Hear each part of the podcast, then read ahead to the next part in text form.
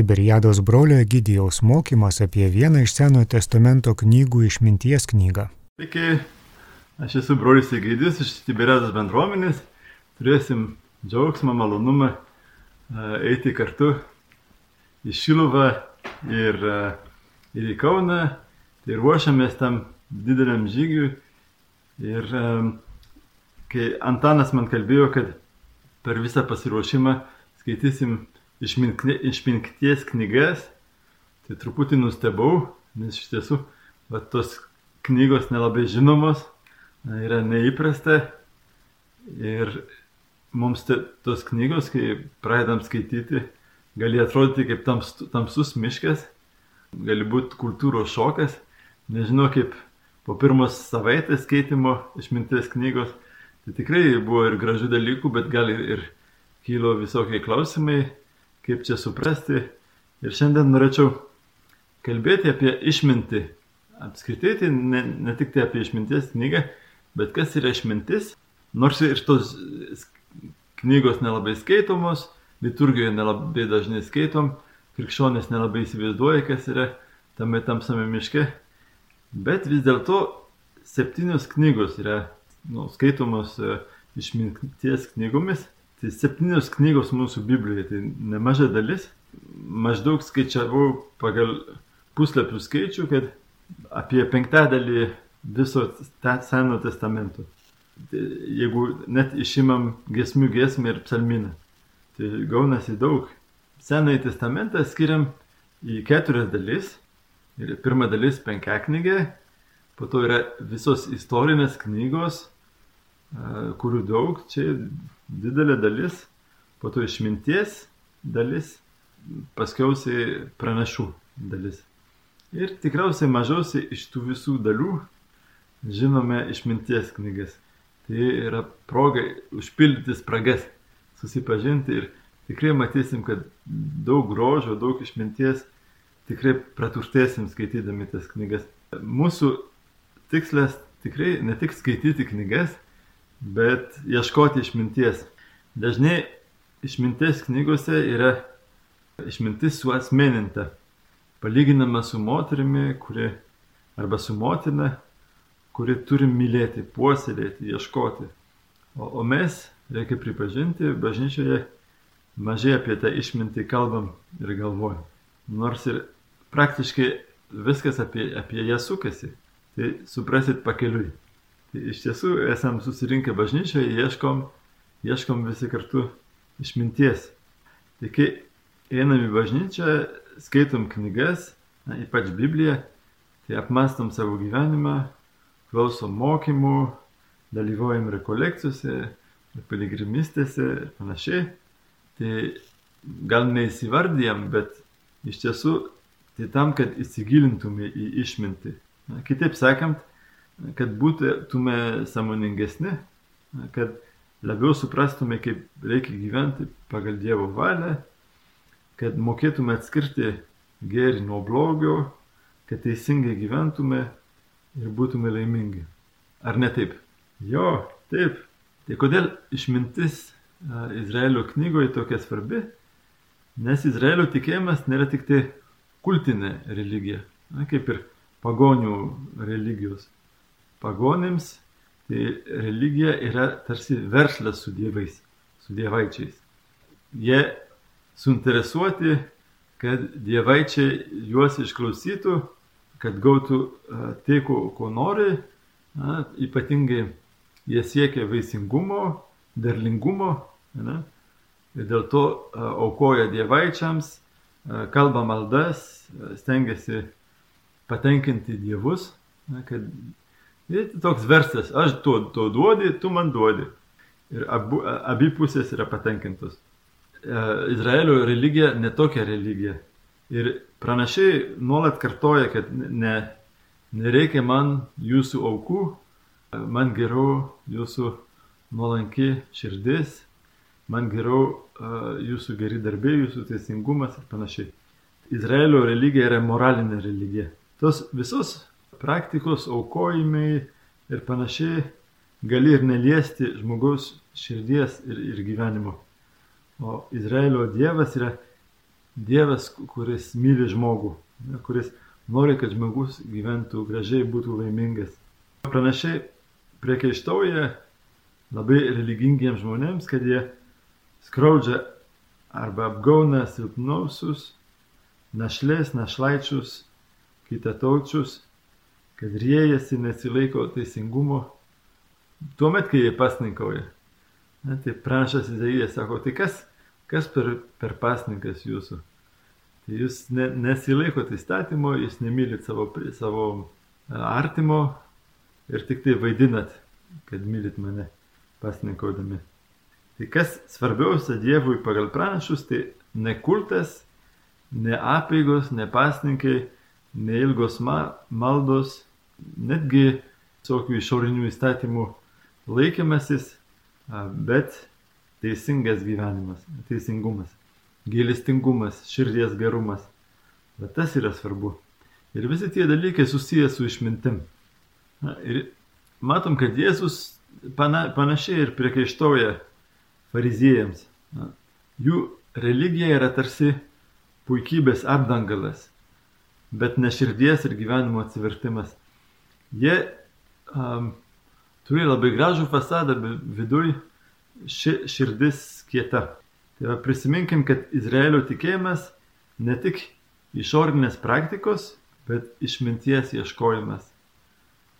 Tai išminč, išminčius nėra tik specialistas, kuris viską žino, re, moko kitus, kaip, kaip gyventi, bet nėra pamokslininkas ar mokslininkas, kuris supranta, žino ir aiškina kitiems, bet išminčius yra pirmiausia tas, kuris teisingai gyvena. Tuo galima palyginti išminčių su šventuoju.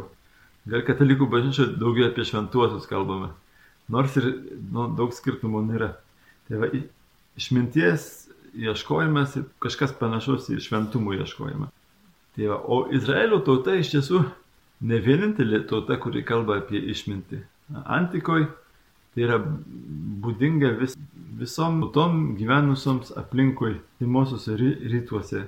Pavyzdžiui, Egipte, Mezopotamijoje, Greikijoje daugybė tų išminčių ir nemažai jų paliko raštus.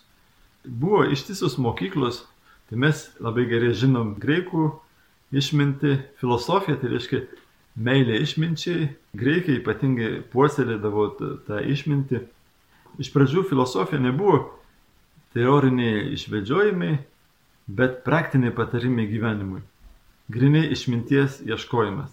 Tai antikos e, filosofai kalbėdavo apie gyvenimo prasme, apie šeimą, apie draugystę, laisvę. E, jie siūlo būdus, kaip būti laimingi.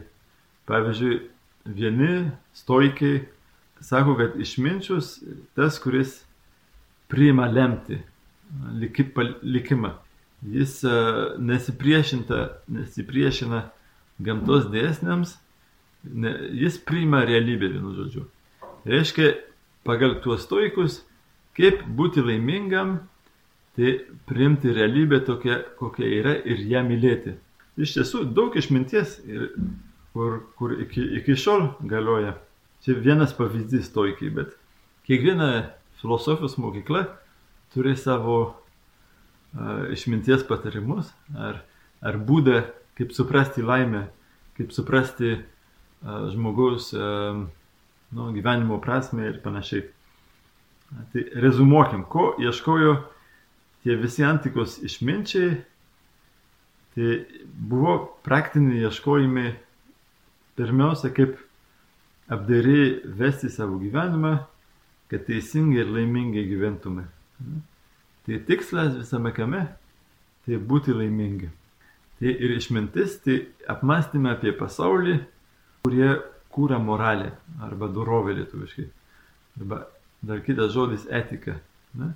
Tai tie, aišku, kai skaitai greikų filosofiją, tai ne tik apie tai kalba. Tai yra nemažai ir tokių dalykų, kur dabar pavadintume gamtos mokslais. Ne? Tai Aristotelis e, buvo geras biologas, Platonas e, matematikas ir panašiai, bet vis tiek pagrindas yra uh, ieškojimai, kaip teisingai gyventi.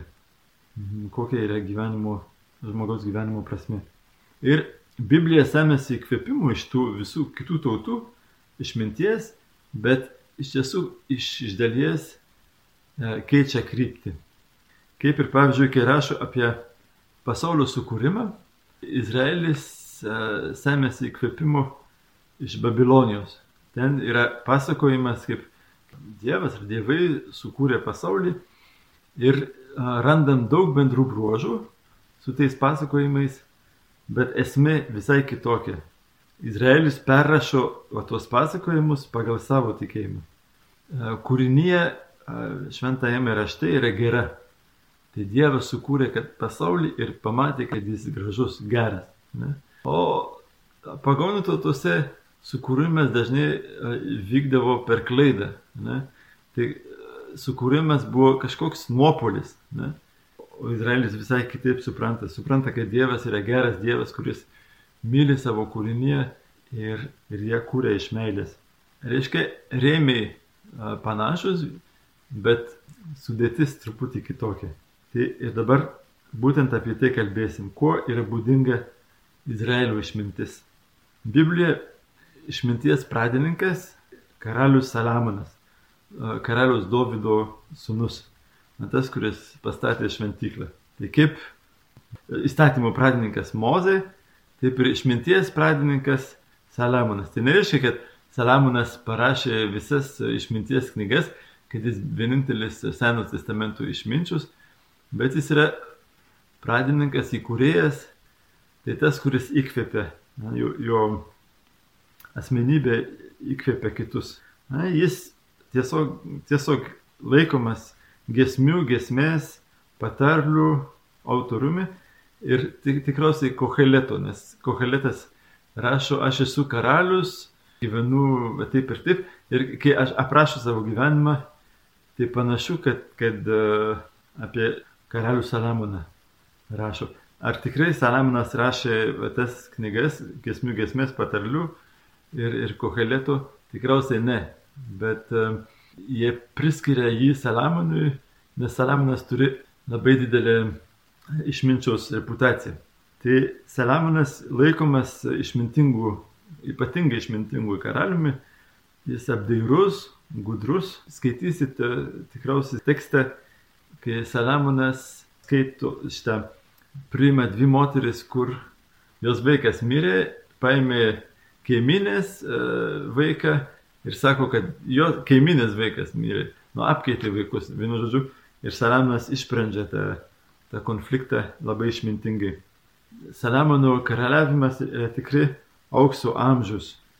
Izraelis tuo metu pasiekė taiką, didelį gerbuvį, Izraelis buvo labai galinga e, tauta, tai nugalėjo visus priešus.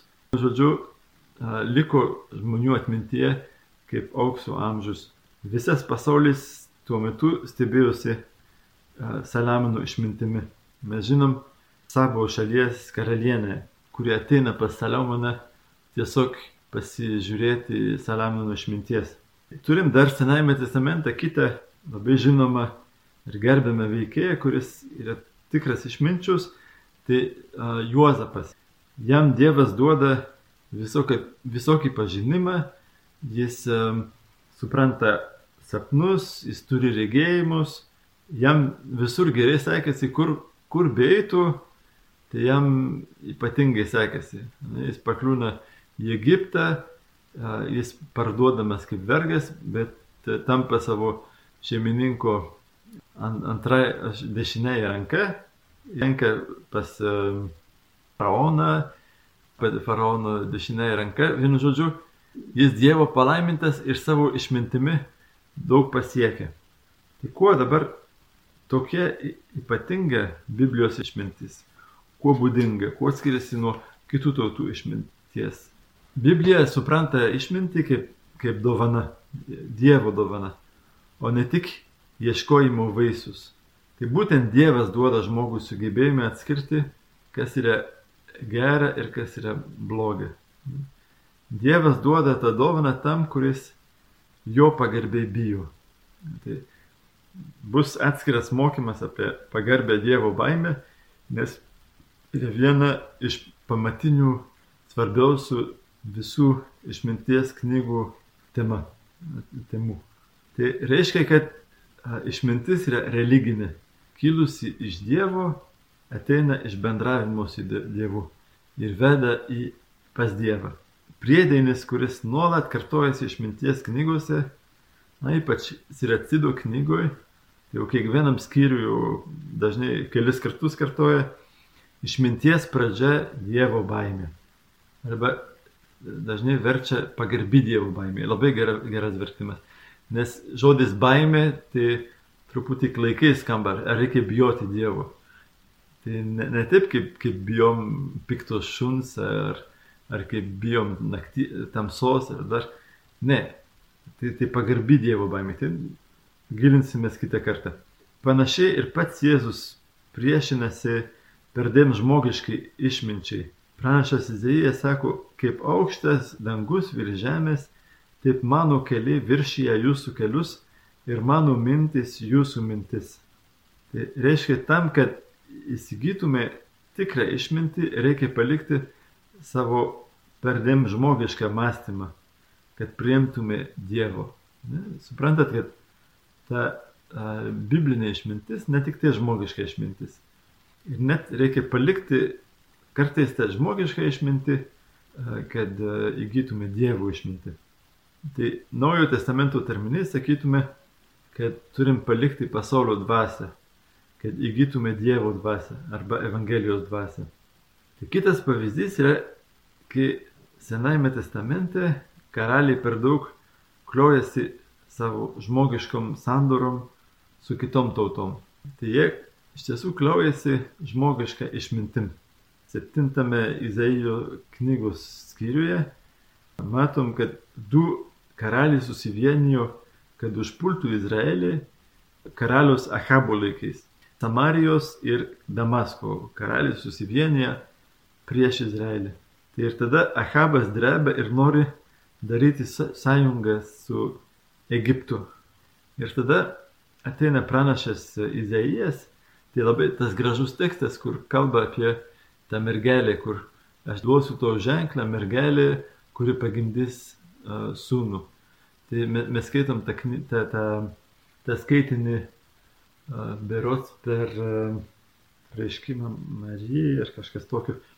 Vienu žodžiu, mes tą, toje mergelėje išvelgiam mergelę Mariją.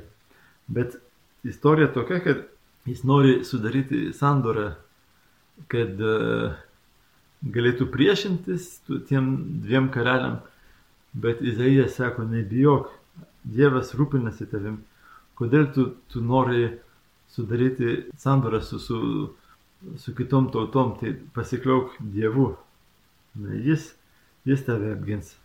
Kita kartą Babilonija grasina. Ir tada vėlgi karalius grėžėsi į Egiptą, pranašas sako, pas, priekaištauja, kad nepasikliauja dievų, o tik žmogiškom sandorom. Pranašiai primena, kad išganimas ateina vien tik iš Dievo, ne iš mūsų gudravimo. Dieviška išmintis nėra tik tai gudravimai, gudrumas. Dėl to ir Senasis testamentas nori kurti išminti grindžiamą Dievo žodžiu ir įstatymu, o ne žmonių išvedžiojimais išmintis e, pagal Bibliją nėra tik tai priemonės, kad pasiektume savo tikslus. Ne, kažkoks apdairumas, apsukrumas, gudrumas, kad nu, mums pavyktų būti laimingi žemėje. Ne tik tai. Tai Izraelis siekia būti išmintinga tauta, bijančia viešpaties. Na, iš to gimsta tam tikras humanizmas, kuris auga tik tikėjimo šviesoje, apmastant įstatymą ir Izraelio patirtį. Tai va čia būtų tarsi išminties dvi kolonos - įstatymo ir Izraelio patirties apmastymas. Tai iš to kyla išmintis. Kaip apibūdintume, apibrėžtume išmintį? Tai sakytume, jeigu trumpai tariant, kad išmintis yra menas teisingai gyventi išminčius domisi visokiais dalykais, jis toks žingai smalsuolis, jis domisi gamta, kurioje įsižvelgia Dievo ranką. Na, kaip galim prisiminti greikų filosofus, kurie irgi nagrinėjo gamtą, kaip, kaip tarsi pirmieji gamtos mokslininkai, bet jie pirmiausia rūpinasi kitais dalykais. Jiems rūpi klausimas, kaip teisingai gyventi, kad būčiau laimingas. Išmintis tai būtų toks savotiškas meistriškumas. Menas gyventi pagal Dievo įstatymą, kad būtume laimingi. Išminčius nėra teorikas, ne, kambarinis filosofas, kažkoks profesorius, bet žmogus, kuris gyvena pagal Dievo valią. Galime tapatinti išminčių šventuoju. Išminčius yra darybių meistras. Žmogus įsigijęs darybės, supratęs, ne kaip, kaip reikia aukti darybėse. Jo mokymas kilęs ne iš enciklopedijų, bet iš jo patirties praktikuoti darybės. Tai gal truputį paaiškinti, kas yra darybės Na, nežinau, ar, ar daug kalbama apie jas bažnyčiose, bet darybės tai yra įprotis daryti gerą. Na, kaip ir galim priprasti prie blogų darbų, jeigu dažnai gersi, tai gali ir tapti alkoholiku, bet uh, galim priprasti prie gerų darbų. Pavyzdžiui, priprasti būti sąžiningam, priprasti būti švelniam. Ir tai iš tiesų visos tos išminties knygos pagrindai kalba apie tas darybės. Tai išmintingas žmogus yra žmogus, kuris valdo savo gyvenimą, kuris uh, moka suvaldyti. Um, ir išminties knygos nagrinėja skarsiai iš ilgiai darybės ir duoda patarimus, kaip jas praktikuoti. Na, tos darybės, apie kurias daugiausiai kalba, tai pavyzdžiui, apdairumas, darbštumas, blaivumas, nemažai Kartais ir juokingų pasakymų apie, apie blaivumą ir neblaivumą. Tai dar kitos darybės - sėkingumas, nuolankumas, susilaikimas, dosnumas, dosnumas vargšams, pavyzdžiui, našlėm, našlaičiams, teisingumas. Išminties knygos vienu žodžiu svarsto apie gyvenimą, bet ne iš abstrakčios pusės, bet visi samprotavimai nukreipti į veiklą. Tai labai konkretu praktiškai, tai liečia mūsų gyvenimą, liečia visas mūsų gyvenimo temas ir mus priverčia susimastyti apie savo gyvenimą. Ir nors kuo skiriasi išminčius nuo pranašo. Abu yra savotiškai Dievo žmonės, išminčius yra pagarbiai bijantis Dievo, kaip ir pranašas e, Dievo tautai, tarsi Dievo pasiuntinys yra bet skiriasi nuo pranašo tuo, kad jo įkvėpimo šaltinis nėra dvasios pagava ar įkvėpimas, bet Izraelio patirties ir įstatymo apmąstymas. Išminčius yra tas, kuris dieną naktį apmąsto Dievo žodį. Tai mes tai matom labai gražiai 118 psalmėje, kur kartoja, kad aš tavo žodį myliu, kartoju dieną, naktį, apmastau tavo potvarkius ir taip toliau, ir taip toliau. Čia yra, yra išminčius. Išminties knygos ypatingai pabrėžia, kad išmintis yra Dievo dovana. Ir po tremties rašto aiškintojai personifikavo išmintį. Jie asmenino visokios, e, visokie gražūs e, pasakymai ar įvaizdžiai apie išmintį, kad išmintis yra mylimoji moteris, globojanti motina arba svetinga šeimininkė. Jūs išminties knygoje jau šią savaitę perskaitėt visokias metaforas. Ne? Visos tos metaforos yra būdas sukonkretinti išminties ieškojimą. Na, kad uh, neieškom kažkokios abstrakčios minties, bet uh, turim pėtų siekį. Ne? Turim mylėti išminti kaip žmoną, kaip motiną, tai jos ieškoti, siekti iš visų jėgų. Nesiekiam abstrakčių dalykų. Ne, tai, tai padeda turėti kažkokį kon konkretų vaizdą prieš akis. Išminties knygos vienareikšmiškai kildina išminti Dievę.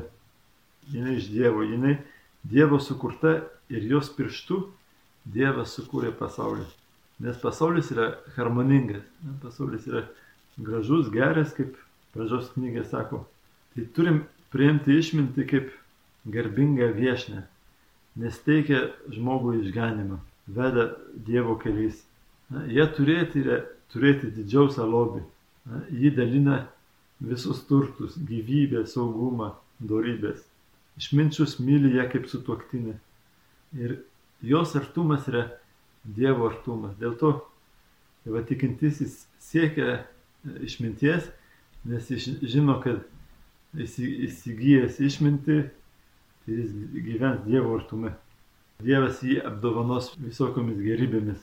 Va, ir taip ir yra ir bus mūsų kelias per tuos du mėnesius iki, iki žygių, iki piligrimystės, labiau susipažinti su išmintimi, jos gal sąmoningiau trokšti ją pamilti, jos ieškoti, nes jos ieškojimas yra lygiai grečiai su Dievo ieškojimu, jos artumas yra Dievo artumas. Nebijokime kreiptis į išmintį kaip, kaip į moterį, galim kažkaip įsijungti į tą Senojo testamento išminčių gretą, tų ieškotojų, tiesos ieškotojų, prasmės ieškotojų, Dievo ieškotojų. Tai įdėti į tą ieškojimą visą, visą širdį, bandyti pritaikyti prie, prie savo gyvenimo vis, visą tai, ką, ką skaitysim, visus tuos svarstymus, apmąstymus, kad tai įsikūnytų mūsų gyvenime.